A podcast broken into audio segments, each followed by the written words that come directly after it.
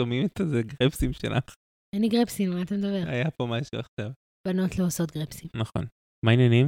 צרבות, כאבי ראש, עייפות קשה, כבדות. שבוע 36. נכון. עוד רגע זה קורה.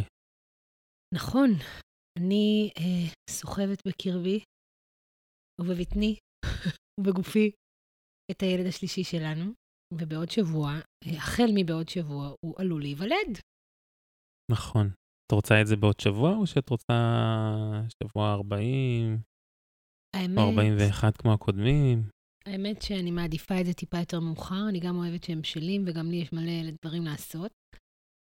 אבל נראה לי שחלק מהעניין פה הוא שפשוט אה, השליטה שלנו היא מוגבלת.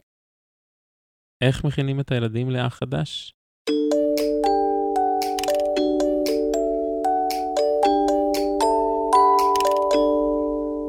אז ילד חדש מופיע במשפחה. בעצם מערער לרגע את, אולי את עולמם של שני הילדים הקיימים? אני חושבת שזה משנה מאוד את הדינמיקה, אה, בטוח מערער משהו, ולא רק שלהם, גם שלנו. של כל מערכות היחסים בבית, של כל השגרה בבית. ובדרך כלל מה שזה יכול להציף זה או רגשות של, אה, של פחד, חשש, אה, מה יקרה, מה יהיה בעוד רגע, וגם במקביל, או וגם של שמחה, של אה, אה, משהו טוב ש, שעוד רגע קורה, של איזה שיתוף, של התגייסות למען. גם דברים טובים יכולים להיות פה.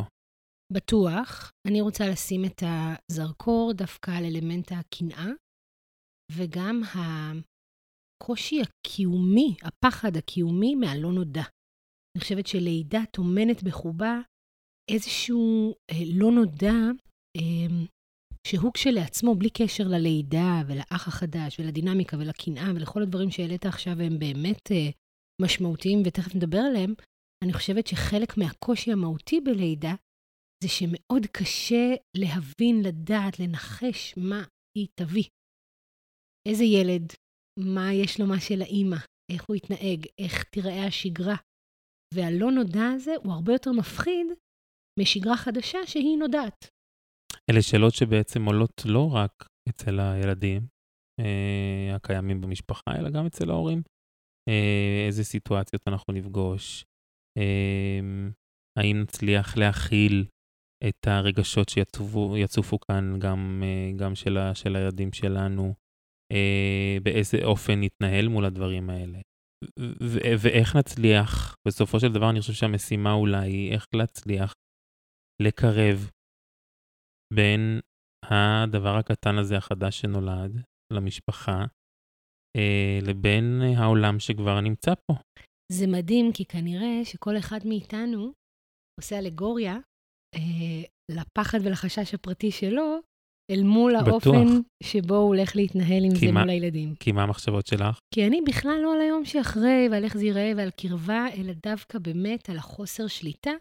ותוך כדי זה שאתה מדבר, אני אומרת לעצמי, אוקיי, כנראה בגלל שאתה לא הולך ללדת פיזית, אז uh, מה שמדאיג אותך זה באמת uh, הרגע שבו אתה נכנס לתמונה, וזה באמת הרגע, היום שאחרי. מהמם. אני כל כך מתעסקת בלידה, גם באקט הפיזי, אבל גם הרגשי של הלידה, שבאמת ה- ה- מה שמטריד אותי ברמה האישית זה החוסר שליטה שלי, ולכן גם אני כל הזמן חושבת על, על הילדים בהקשר הזה. אותי בעיקר מטריד, אה, או מטרידות השאלות של איך ומה יהיה אה, ברגע שבו הילדים שלי יפגשו אותו. אז בואו נתחיל בלדבר כל אחד על הפרספקטיבה שלו. אז אני דווקא רוצה לשים את, ה, את הנקודה על אביתר. זה ילד הסנדוויץ'. אני חושב שמי שכבר אכל את זה, אה, זאת עמנואל כשאביתר נולד. היא מבינה איזה רגשות יכולים לצוף שם, אה, מה יכול אולי לקרות, איפה היא יכולה להתמקם בתוך המערך המשפחתי. אתה מתכוון לזה שמשהו, אפילו באופן לא מודע אצלה, מכיר את ההתחלקות הזאת פתאום, בתשומת לב, במרחב, באהבה, בזמן, בלוז, ול- ולכן יש פה פחות שוק. יכול להיות קשה, אבל זה יהיה פחות מפתיע. נכון. אז אני חושב שגורם ההפתעה יהיה בעיקר אה, אצל אביתר, אה, או אצל האח הקטן במשפחה, שחווה את זה פעם ראשונה. שחווה את זה פעם ראשונה, אה, וינסה אולי, אולי לייצב את מקומו מחדש. בתוך כל הדבר הזה. שלושה אחים פתאום במשפחה, והוא כבר לא האח הקטן, והוא ינסה לחפש את מקומו ולייצב את מקומו מחדש, ואני מאמין שיש פה איזה רגע שצריך לנסות אה, להכיל יותר, להיות רגישים אליו יותר. זאת אומרת, יש פה עכשיו שתי התמודדויות. יש פה את אלמנט ההפתעה, שהוא לא מכיר את הקונספט והוא לא יודע לאן זה הולך, והילדה הבכורה כבר מכירה את זה, שוב, באופן מודע או לא מודע. אבל יש פה גם את הרגשות הספציפיים שעלולים לעלות, שאנחנו יכולים לנחש מה הם, אבל, אבל יש פה בעצם שתי התמודדויות. Mm-hmm. גם אלמנט ההפתעה וגם התחושות שיצאו. אני הייתי רוצה לדבר רגע על אלמנט ההפתעה. אני מוצאת שכשאני מתכוננת ללידה, או בכלל לדברים שהם כאלה לא צפויים, אמ, אני לא יכולה להמציא תרחיש, אני לא יכולה לבנות לעצמי פנטזיה ולקוות שהיא תצליח. זה, זה לא ייתן לי תחושה של שליטה. אבל מה שייתן לי תחושה של שליטה, זה באמת לנסות לחשוב איך אני מתנהלת בתוך הסיטואציה, תהיה אשר תהיה. כי, כי בסיטואציה אין לי שליטה, אני כאילו עושה הפרדה בין הסיטואציה לביני. אז יש אלמנטים שאני יכולה לשלוט בהם. מי יהיה שם, מי המלווים שלי. גם, אתה יודע, יכול להיות שיש מקרה חירום, בכל זאת, אה, לידה זה גם אירוע רפואי, אז אני לא יודעת מי יגיע, ואני לא בהכרח תמיד יכולה לבחור את המלווים שלי. אז גם פה אני מוגבלת, אבל אני יכולה לעשות מה שאני יכולה. אבל אני כן יכולה לעבוד על עצמי ברמת הכלים שלי לאיך אני חושבת, איך אני מרגישה, איך אני זזה, איך אני נושמת. וכל האלמנטים האלה, למרות שהם קשורים לעולם הלידה, ואנחנו עכשיו בעניין החינוך והאחים, אבל עדיין אני, אני, אני רוצה להסב את תשומת לבך לזה שהם נותנים לי תחושה של שליטה. ואני אומרת שאחד הדברים שיכולים לתת המון רוגע לילדים, לבית בכלל, זה אלמנטים של שליטה. ואנחנו לא יודעים מה תהיה הסיטואציה ומה יהיה התינוק ואיך תיראה השגרה, אבל אנחנו יכולים להחליט מי אנחנו נהיה בתוכה. ולכן אני רוצה לספר אה, על כל מיני טריקים וכלים שאני, אנחנו, משתמשים בהם בבית שלנו, שיכולים לתת השראה. אה, ואני אתחיל, אני, בוא נגיד שחילקתי את זה לשלושה חלקים. הבנה של האירוע, של הלידה עצמה, הכנה של הבית ברמה הפיזית, והכנה רגשית. זה נראה לי המרחבים שאתה אה, יותר mm-hmm. חתרת אליהם. ואני אתחיל בהבנה של האירוע. קשר בין סיבה לתוצאה. ופה אנחנו נוגעים בנקודה רגישה.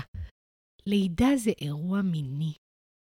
זה אירוע מיני לא רק כי הוא מסיים את המשגל שהתחיל אותו, mm-hmm. אותה, זה גם מבחינה הורמונלית אירוע שמכיל בתוכו את כל הורמוני המין שיש לנו כשאנחנו אה, אה, במשגל. וככל שהאנרגיה, אה, התאורה, הסאונד, הביטחון העצמי שלי, הריחות, אה, בסיטואציה הזאת יהיו יותר אה, דומים לאלו של משגל, ככה אני אוכל ליהנות יותר, שמעת נכון, או לפחות להיות רגועה, או, או, או להיות פחות uh, חרדתית בתוך הסיטואציה, וגם ההורמונים שלי בגוף יפעלו בעצם. למה אני אומרת את זה?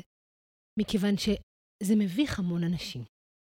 בכלל, לדבר על מיניות בינם לבין עצמם, ברמה הזוגית, בטח מול הילדים.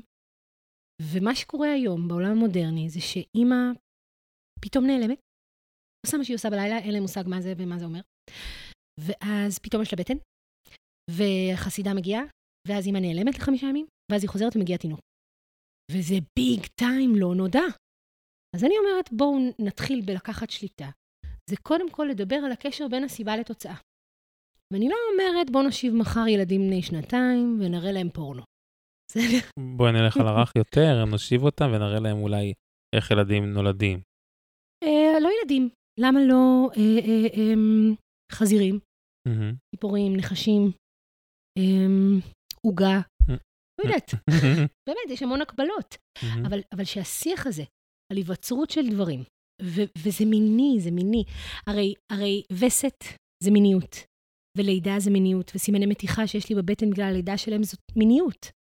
והפוט שלי, שהוא נפתח וממנו יוצא תינוק, ולא מהבטן, ולא מהחסידה, ולא מהגוף שלי, אלא בכלל השיום הזה של המילה פוט. שם זה מתחיל, ואני מוצאת שאם אנחנו מדברים על להכין אותם אל הלא נודע, זה קודם כל לתת להם כלי בסיסי של מה זה בכלל לידה. אז זה ברמה של, של לראות את זה טכנית, פיזית, זאת הכוונה? באופן אישי, אני בן אדם מאוד לא לא אינטימי ולא סודי וחשוף, ו- ולכן לי מאוד קל להגיד לך, כן, אני מגיל אפס, יש לי וסת, הילדים נכנסים ויוצאים חופשי, רואים פתאום דם, שואלים אותי שאלות, אני עונה. וטיפ קטן, אני עונה הכי קצר לעניין, וזהו. יש עוד שאלות? עונה עוד. אבל בגדול, מינימום, מינימום, מינימום. הגיוני. ואז, אם אני ככה קשובה לשאלות, אז באמת באופן טבעי, לפי המוכנות שלהם, מגיעות עוד ועוד ועוד שאלות, ואז אני, אני, לא, אני לא מעיקה, אני לא אונסת אותם עם מידע. אז זה גם לא לעשות אה, עניין ממשהו שהוא לא עניין. נכון. טבעי. נכון, ממש. טבעי ו- ו- ומקובל. אני נגיד ונעים. זוכרת ש, שבגיל שלוש בערך, קצת פחות התאים לנו, שהילדים יישארו איתנו בחדר בלילה. ובאמת התירוץ במרכאות היה שאימא ואבא צריכים אינטימיות. לא המשכנו ותיארנו, ועם השנים באו עוד שאלות ועוד שאלות, והם כל כך חכמים שבאיזשהו שלב הם עשו אחד ועוד אחד. של אינטימיות זה להיות לבד. זה כנראה משהו שדומה למשגל, כמו שהם תופסים אותו, כל אחד לפי, לפי יכולתו. Mm-hmm. אז בעצם הרעיון הוא לשלוט על, ה- על המצב. זה, זה להבין אה, גם באופן פיזי, טכני, איך הדברים קורים. נכון, ואני חושבת שספרים, סרטים מצוירים, סרטי חיות, אה, שיח פתוח, אלו אמצעים עדינים שכל אחד יכול לבחור לפי יכולת ההכלה והמבוכה והתקשורת שלו, אנחנו אנשים שונים. אה, אבל כן, לא הייתי נבהלת מזה, והייתי שמחה ליצור כזה שיח ברמתי וביכולת שלי ושל הילד. אז אני רגע לוקח אותך למקום של, ה, של ההכנה בעצם של הסיפור הזה, עוד לפני שהאח נולד, אנחנו מדברים על רגע להכין את הילדים. אז זה בעצם גם לדבר על, על התינוק שהולך להיוולד, ומה אנחנו הולכים לעשות סביב זה, ואולי איזה תפקידים יהיו לנו סביב הלידה אה, ולאחריה. דרך אגב, תפקידים זה רעיון גאוני. Mm-hmm. אה, מכינים מזוודה ל- ל- לבית החולים, ברור שיהיה לי הרבה יותר קל להכין אותה לבדי בשקט. אבל אני אעשה עבודה טיפה יותר קשה, ואני אכין רשימה, ואני אלך איתם ביחד, ואנחנו נבחר, ונכין את המזוודה ביחד, והם יכניסו למזוודה ציורים שהם ציירו לו, ומשהו בשיתופיות הזאת ובמשימתיות הזאת... שותפים לדבר. בדיוק, מהמם. ממש מכניס אותם לעניינים, וגם, תראה, דיבורים זה נחמד, כי אתה ואני יודעים שיהיה פה תינוק ואיך הוא נראה ומה יקרה. הם לא יודעים. את יודעת הוא... אה, מה? מה? אני מנסה להגיד שיש לנו יכולת הבנה הרבה יותר מוחשית של הסיטואציה, בעוד הם, או לפחות הקטן שבהם, זה מאוד אמורפי. אז כשלוקחים את האמורפי הזה והופכים אותו למוצק. בצורה של מזוודה וחפצים ומיטה וצבע על הקיר, ולתפור לו מזרן. להכין לו דברים, כן. תשמע קטע, מה? לפתוח לו תיבת ג'ימייל. מה? מה הרעיון? להכניס בעצם את כל מה? בדיוק, קודם כל, קודם כל, יש פה אה, בן אדם אמיתי פתאום. נכון שזה תיבת ג'ימייל, אבל, אבל יש, אני שולחת למישהו משהו. באיזה הקשר את אומרת? זה הקשר שלנו כהורים או כילדים? מה? ילדים, לשתף את הילדים, ציורים, תמונות. סרטים, מכתבים, ואת הכל אנחנו שולחים לתיבת ג'ימייל של השם בטן של העובר. וזה הופך את זה עבור הילדים ליותר מוחשי. מה גם, איזה מגניב זה בגיל 13 לקבל את זה לבר מצווה? לגמרי. אולי שם מכתב מסבתא שכבר נפטרה, נו. או לא יודעת מה, זה מדליק. ש... החיים שלך עוד לפני שנולדת. אה, מעניין. רעיון אה, מקסים. מה הדבר ככה שאת מציעה להמשיך איתו? אמ, שיח מנרמל רגשות, ואפילו אה, רגשות קשים בכוונה תחילה. מהמם. למה את מתכוונת? אני מתכוונת לזה שאני מאבדת את זה, זה מין קטע כזה של הורמונים לפני לידה וזה, אז אני מרשה לעצמי להתפרק מולם, ולהראות להם שקשה לי, ואני עייפה ואני עצבנית. אני כמובן אומרת בזמן אמת, חבר'ה, אתם לא אשמים, אני נורא נורא עצבנית, כי, וזה קשור אליי, וזה קשור להורמון, אבל אני רוצה שהם יראו את זה כדי לתת איזושהי לגיטימציה לתחושות קשות שעולות. ובואי נדבר רגע, תכף נדבר על, על התחושות שיכולות לעלות, אבל על המקום הזה של, של הכעס. דווקא, דווקא על המקום הזה אני רגע רוצה לשים את הנקודה או את הדגש, כי יכ- יעלה שם הרבה כעס. כעס מתוך המקום של את לא איתי כבר, ואת איתו, ואת אה, לא למעננו ואת למענו.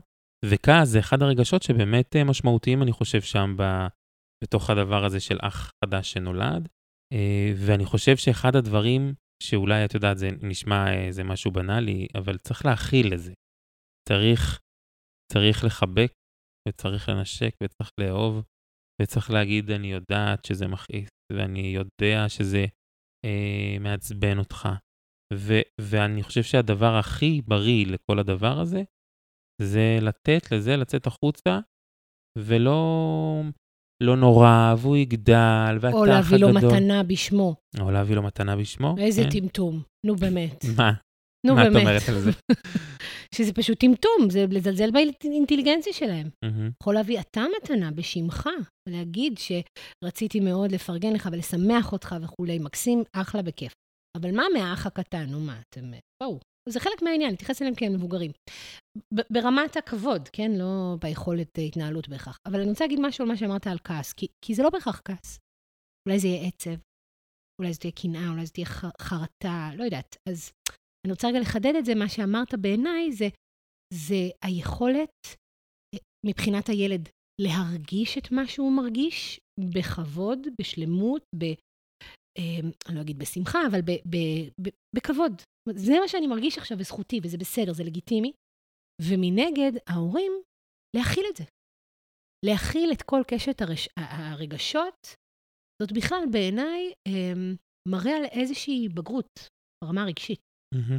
והיכולת לחוש את, את כל קשת הרגשות מבלי להתפרק בכל אחד מהם, אה, יכולה לקרות רק בתנאי שהרגשנו מתישהו בחיים את כל קשת הרגשות. אחרת. בגיל 30 פתאום זה מפתיע אותנו.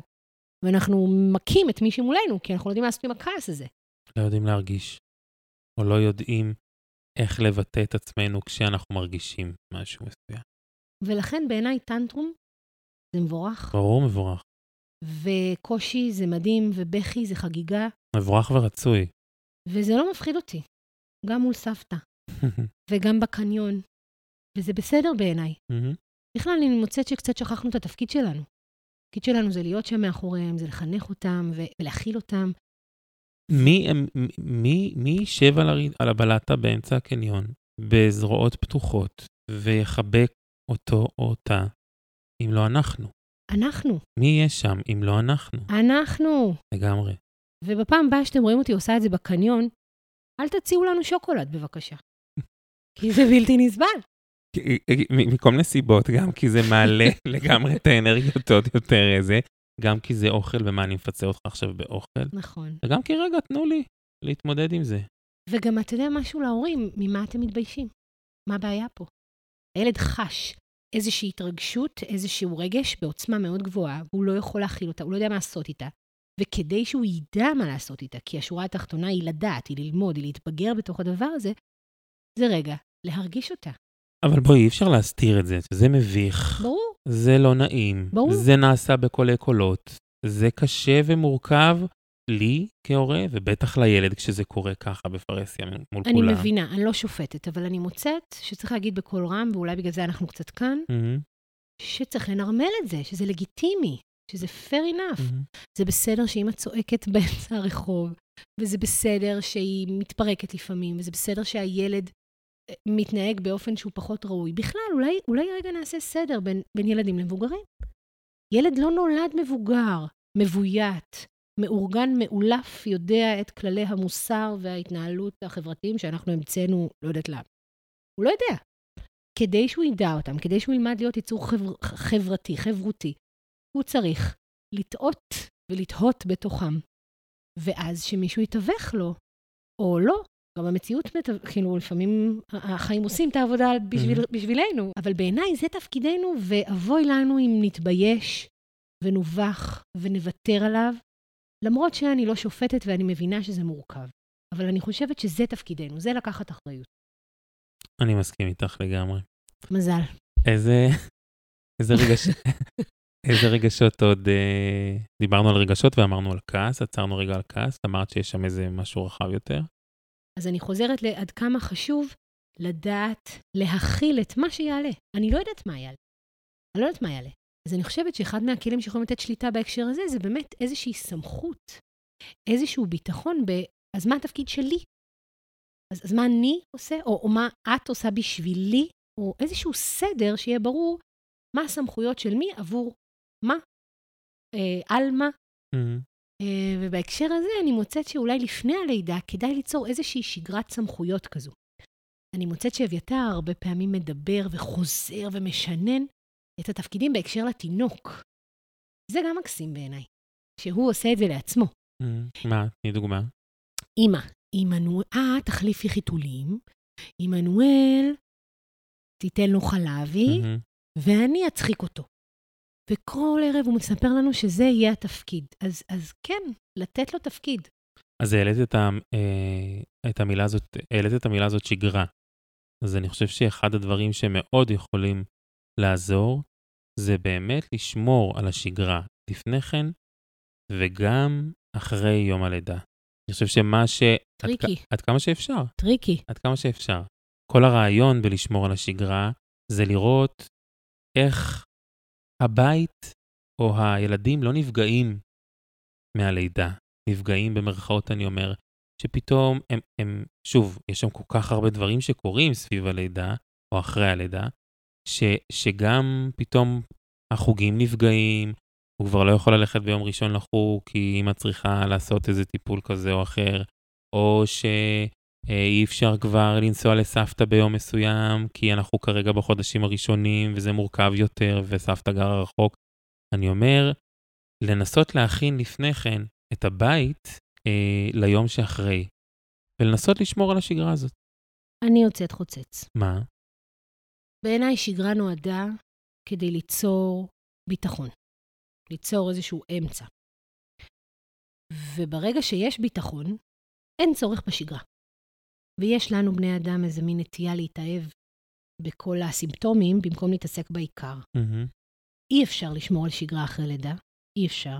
האימא לא נוכחת כמו שהיא הייתה לפני, האבא עסוק, לא, לא באותה מידה. אה, אני פחות ניידת, אמ, פחות כסף, פחות זמן, אי אפשר. השגרה תיפגע, נקודה.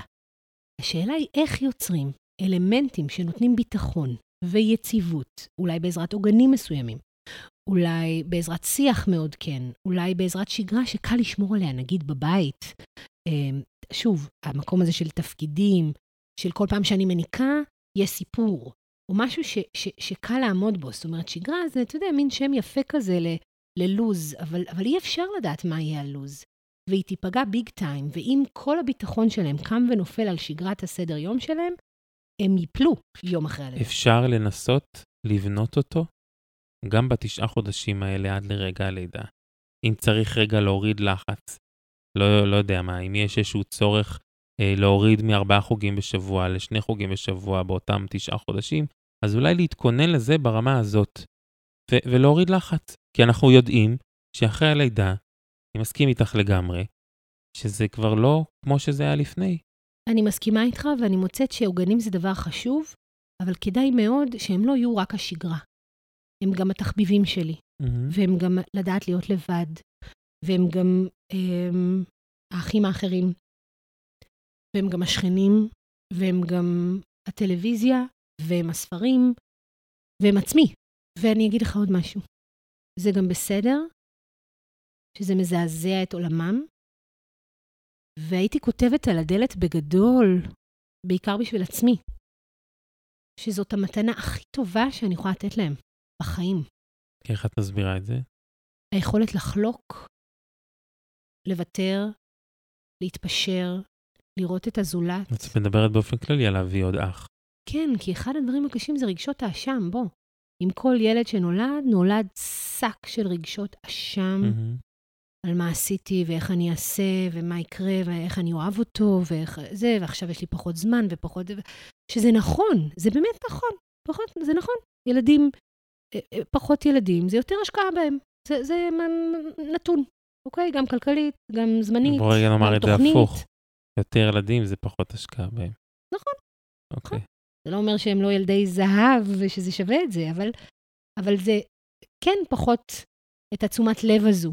זה כן הפחות אימא טוטאלית שצריכה להיות ככה אחרי לידה. זה Mm, פחות. לגמרי. אבל זה יותר דברים אחרים, שהם מתנות מטורפות לחיים. אז אני, זה- את זורקת אותי רגע ל- לאיזושהי שיחה שהייתה לי היום עם הילדים במיטה בצהריים, והיה איזה רגע שחיבקתי את עמנואל, ואביתר אה, היה בצד השני שלי, והוא אומר לי, למה אתה אוהב אותה יותר ממני?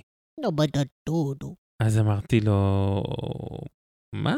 זה מה שאתה, אתה, זה מה שאתה מרגיש? שאני אוהב אותה יותר אה, ממך? למה, למה אתה מרגיש ככה? ואז הוא, הוא לא ענה לי על השאלה, אבל הוא כן אמר לי, תכף בזוקה ייוולד, ואז כבר אתה, אתה תאהב פחות. החלטתי שאני פותח את גוגל וכותב חדרי הלב. התחלנו רגע לראות מה זה לב, כמה חדרים יש בו. אז אנחנו סוגרים את זה בארבע. מה? סוגרים את זה בארבעה ילדים. זה, זה רגע. זה המקסימום, כן. לפי הסיפור. אז, אז, אה, אז, הם- אז היה שם ויכוח. קודם כל, לראות את הלב רגע ולהכיר אותו קצת יותר לעומק, זה היה אה, איזה רגע. ואז הם, הם אה, מתחילים אה, לדבר על אה, מי נמצא באיזה חדר. אה, לא, ואני בחדר, זה הגדול יותר, אני נמצא בחדר הזה. ואז באיזשהו שלב, הם דיברו על החדר שעמנואל נמצאת בו, ועל החדר שאביתר נמצא בו, ו- ואיפה אימא? וחשבתי מה אני אומר, רגע, איפה אימא? והנה, רגע, אולי שווה לחשוב או לדבר שנייה על, ה- על הזוגיות, או על איפה זה פוגש אה, אותנו בכל הרגע הזה. התשובה שלי הייתה, אימא זה אדם שלנו. Mm, וואו. שמפעיל את כל המערכת. וואו. אבל אני רגע, אני, זאת נקודה ששווה רגע לחשוב עליה, על מה קורה בינינו. אתה יודע, משווים הרבה פעמים גבר שרואה אישה עם, עם התינוק שלה לגבר שרואה אישה עם גבר אחר. כן? כן, כאילו, בגידה. מישהו, מישהו לקח לי אותה. מהמם. זאת באמת חוויה נורא חזקה. אני חושבת שזה לא מאוד שונה, אולי פחות מיני. לקחו לי, בגדו בי, היא כבר לא שלי. ואני אני רגע מחזירה את המקום הזה לזה שאם לי אין רגשות אשם, או לחלופין אם אני בטוחה בזה למרות שזה נורא עצוב לי, הרבה יותר קל לי לצלוח את הסיטואציה, לעמוד מאחורי הקושי, להיות שם בשבילם ולא להתפרק, ולפצות, ולפצות, אלא באמת להיות, להיות בקושי, כי אני מאמינה שבאמת זה דבר טוב. ובהקשר הזה, אני חושבת שזה גם מאוד נכון לזוגיות שלנו. אני חושבת ש... שילדים זה משהו שיכול מאוד לחזק זוגיות. בחוויה שלי, בטוחה שיש עוד מהמם. סצנריואים. ו, ו, ולכן בעיניי עוד ילד זאת עוד התגשמות של, של אהבה, של המשכיות. תראי איזה יופי, כל הדברים החיוביים עולים בך כרגע, וזה מדהים. שאת גם בהיריון, זה מתאים. הוא ייקח לי את כל הכסף, הוא יאכל לי את כל האוכל, הוא יעצבן אותי נורא, הוא ידאיג אותי, לא, אני לא אבל- אשן בלילה בגללו, יהיו לי קמטים, הוא הרס לי את הבטן, הפוט שלי הפך להיות מזוודה, הכל בגללו. זה נורא אישי. יש זוגות שזה מפרק אותם, ויש זוגות שזה בונה אותם. אז בואי נדבר רגע על איך זה יכול לבנות, או איך זה יכול אה, לחזק קשר. נראה לי שאתה צריך לדבר פה עכשיו, אז- מכיוון אז- שכשנולד תינוק, אימא והתינוק הם, הם בבועה אחרת. מהמם. ומי שחווה פה את הזעזוע המשמעותי בהקשר הזוגי, כמובן, יש זעזועים אחרים שאני חווה, אה, זה, זה נראה לי האבא, שהוא פחות נידד, בהתחלה לפחות, מה לעשות. יש לי הלך אפור של תשעה חודשים של אוקסיטוצין, ולידה, והנקה, והתעוררויות בלילה. דרך אגב, אתה יודע שיש מחקרים שמראים שיש...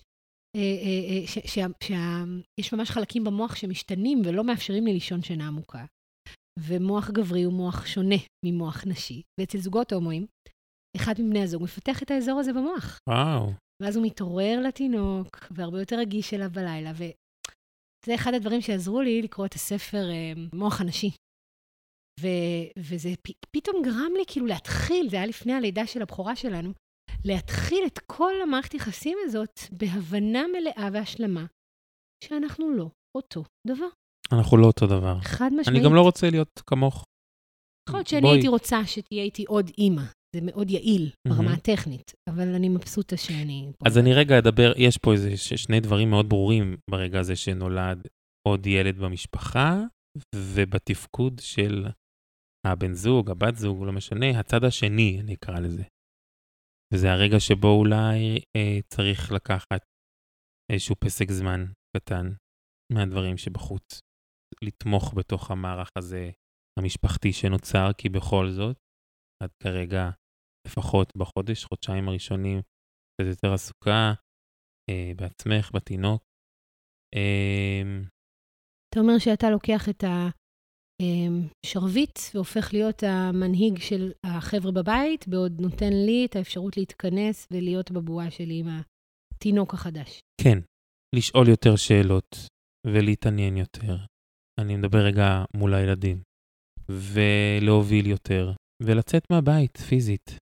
אבל איך אתה עושה את זה, ילדים בבית ספר, ואתה עובד, ובוא, במדינה המהממת שלנו, במקרה הטוב, אם אתה אב השנה, אתה יכול לקבל חודש של חופשת לידה. מורכב, נכון, זה מורכב. נגיד אתה בא לקחת אותה מהבית ספר, מהצהרון. אז, אז אם עד עכשיו יכולת להרשות לעצמך אה, לחכות בחוץ, לצ, לצלצל, להגיד להם לצאת החוצה, לבוא רגע עם הטלפון תוך כדי, אתה אומר שעכשיו אתה הולך לעשות זה אחרת, כדי שהם ירגישו שאתה הרבה יותר שם. לצאת מוקדם יותר מהעבודה, להגיע אליהם מוקדם יותר, לאסוף אותם ולהיות איתם, גם אם זה בבית וגם אם זה מחוץ לבית. והצד השני זה באמת, או המקביל לזה, זה לתמוך מי, ש, מי שלפני רגע ילדה. אולי לתווך באופן פיזי. לרתום אותם למשימה בעצמם. Mm-hmm. בואו נחזור מוקדם הביתה ונכין עם ארוחת ערב. בואו נכין לבזוקה אה, משחק חדש ביחד. נכין לו לפתוח אה, אינטרנט ולראות משחקים לפעוטות ולהכין ביחד. Mm-hmm. ממש לרתום אותם למשימה. אז אם אני רוצה לסכם את זה, תקשורת בינינו ותקשורת בין הילדים לבינינו. וכשאני אומרת תקשורת, אני ממש מתכוונת עכשיו, כן, לא באופן כללי, ללדבר במילים את הדברים, את התחושות שלי, את הפרקטיקה של איך נראית לידה, מה גורם ללידה, איך הולכת להיראות השגרה, ובעיקר כלים להתמודדות. לשמוע ביחד איתם תסריטים של דמיון מודרך. לבחור ביחד, משפחתית, את צבע הלידה שלנו, ללכת לחנות, לקנות אה, חוטים צבעוניים, לקשור על היד, לתת כל מיני ביטויים גרפיים. מה שאת מתארת חזק זה העניין החווייתי, שתהיה שם חוויה סביב הדבר הזה, שזה לא יהיה אילם, אה, לא רק ברמת הדיבורים, גם ברמת המעשים, שהם יחוו ש... אה, את, את הדברים שהולכים לקרות. כן, בנינו ביחד מיטה, התקנו ביחד את העגלה, צבענו ביחד את הקיר. שהדבר הזה, אפילו אם זה יותר מתיש עבורי, הוא ייעשה ביחד כדי לתת ביטוי מוחשי עבורם לקראת הלא נודע הזה. Mm-hmm. זה מאוד מאוד מרגיע. ואני רוצה לתת טיפ נחמד לאימהות שנעלמות. כי מה לעשות, זה, זה העולם שאנחנו חיות בו, וזאת חוויה שהיא לא פשוטה עבור ילדים. וזה לצלם הרבה. לצלם הרבה בלידה, בחדר לידה, בדרך. ו, וכמובן, בסופו של דבר, להראות להם את הצילומים הטובים והמשמחים שאת רוצה שהם ידעו ויראו. אבל כן יש משהו נורא חזק בתיעוד הזה. זה שוב נותן איזשהו ביטוי גרפי ומוחשי ומאוד מאוד משתף את הילדים בתוך הלא נודע הזה. לשתף ילדים בלידה זה השיעור הראשון בחינוך מיני בעיניי, לדימוי גוף בריא, להבנה של איך עובדת האנושות ומה תפקידנו ומה חשוב באמת. ואני זוכרת את הפעם הראשונה שהילדה שלי שאלה אותי במקלחת למה הבטן שלי שמנה, או מה זה כל הסימנים האלו שיש עליה, ולמרות שלרגע התכווצתי, מאוד מהר עניתי נקודתית. שמנה כי אני אוהבת לאכול. והסימנים האלה הם מתנות שכל אחד מהילדים שלי השאיר עליי. והמשכנו הלאה. ואני פתאום חושבת, 20-30 שנה קדימה, איזה כוח יש לך בתור ילדה לראות את אימא שלך? גם אם היא לא שלמה עם הגוף שלה, וגם אם יש מורכבויות, כי אנחנו מורכבות, וזה לא עובד ככה, כזה שחור ולבן. אבל יש שיח כן ובריא על נקודות תורפה. פשוט, פשוט, פשוט, פשוט. לא, לא, לא, לא צבוע בכל, בכל מיני צבעים, אה, לא מקושקש, מאוד פשוט ו straight. לפני כמה ימים היא שאלה אותי, איך בזוקה יכול לצאת עם כל השערות האלו שיש לי שם. אז הסברתי לה מה קורה, והנה הייתה הזדמנות מדהימה לפתוח גוגל ולראות תמונה של פוט.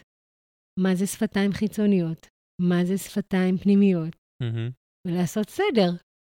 טוב, אז, אז, אה, אז שבוע 36, ויצא ילד חדש לעולם. בריא. בעזרת השם. אמן. ואנחנו נאהב אותו. ברור. כי לשלושתם יש לי מקום בלב. לי יש יותר מארבעה חדרים, שתדע. יותר מארבעה חדרים? חד משמעית. סופר את העורקים? חד, לא, יש לי, אני בטוחה שאם תבדוק, תראה מאחורה יש עוד מרתף וזה, יש ליד גג. אני חושב שאני אסתכם בארבעה.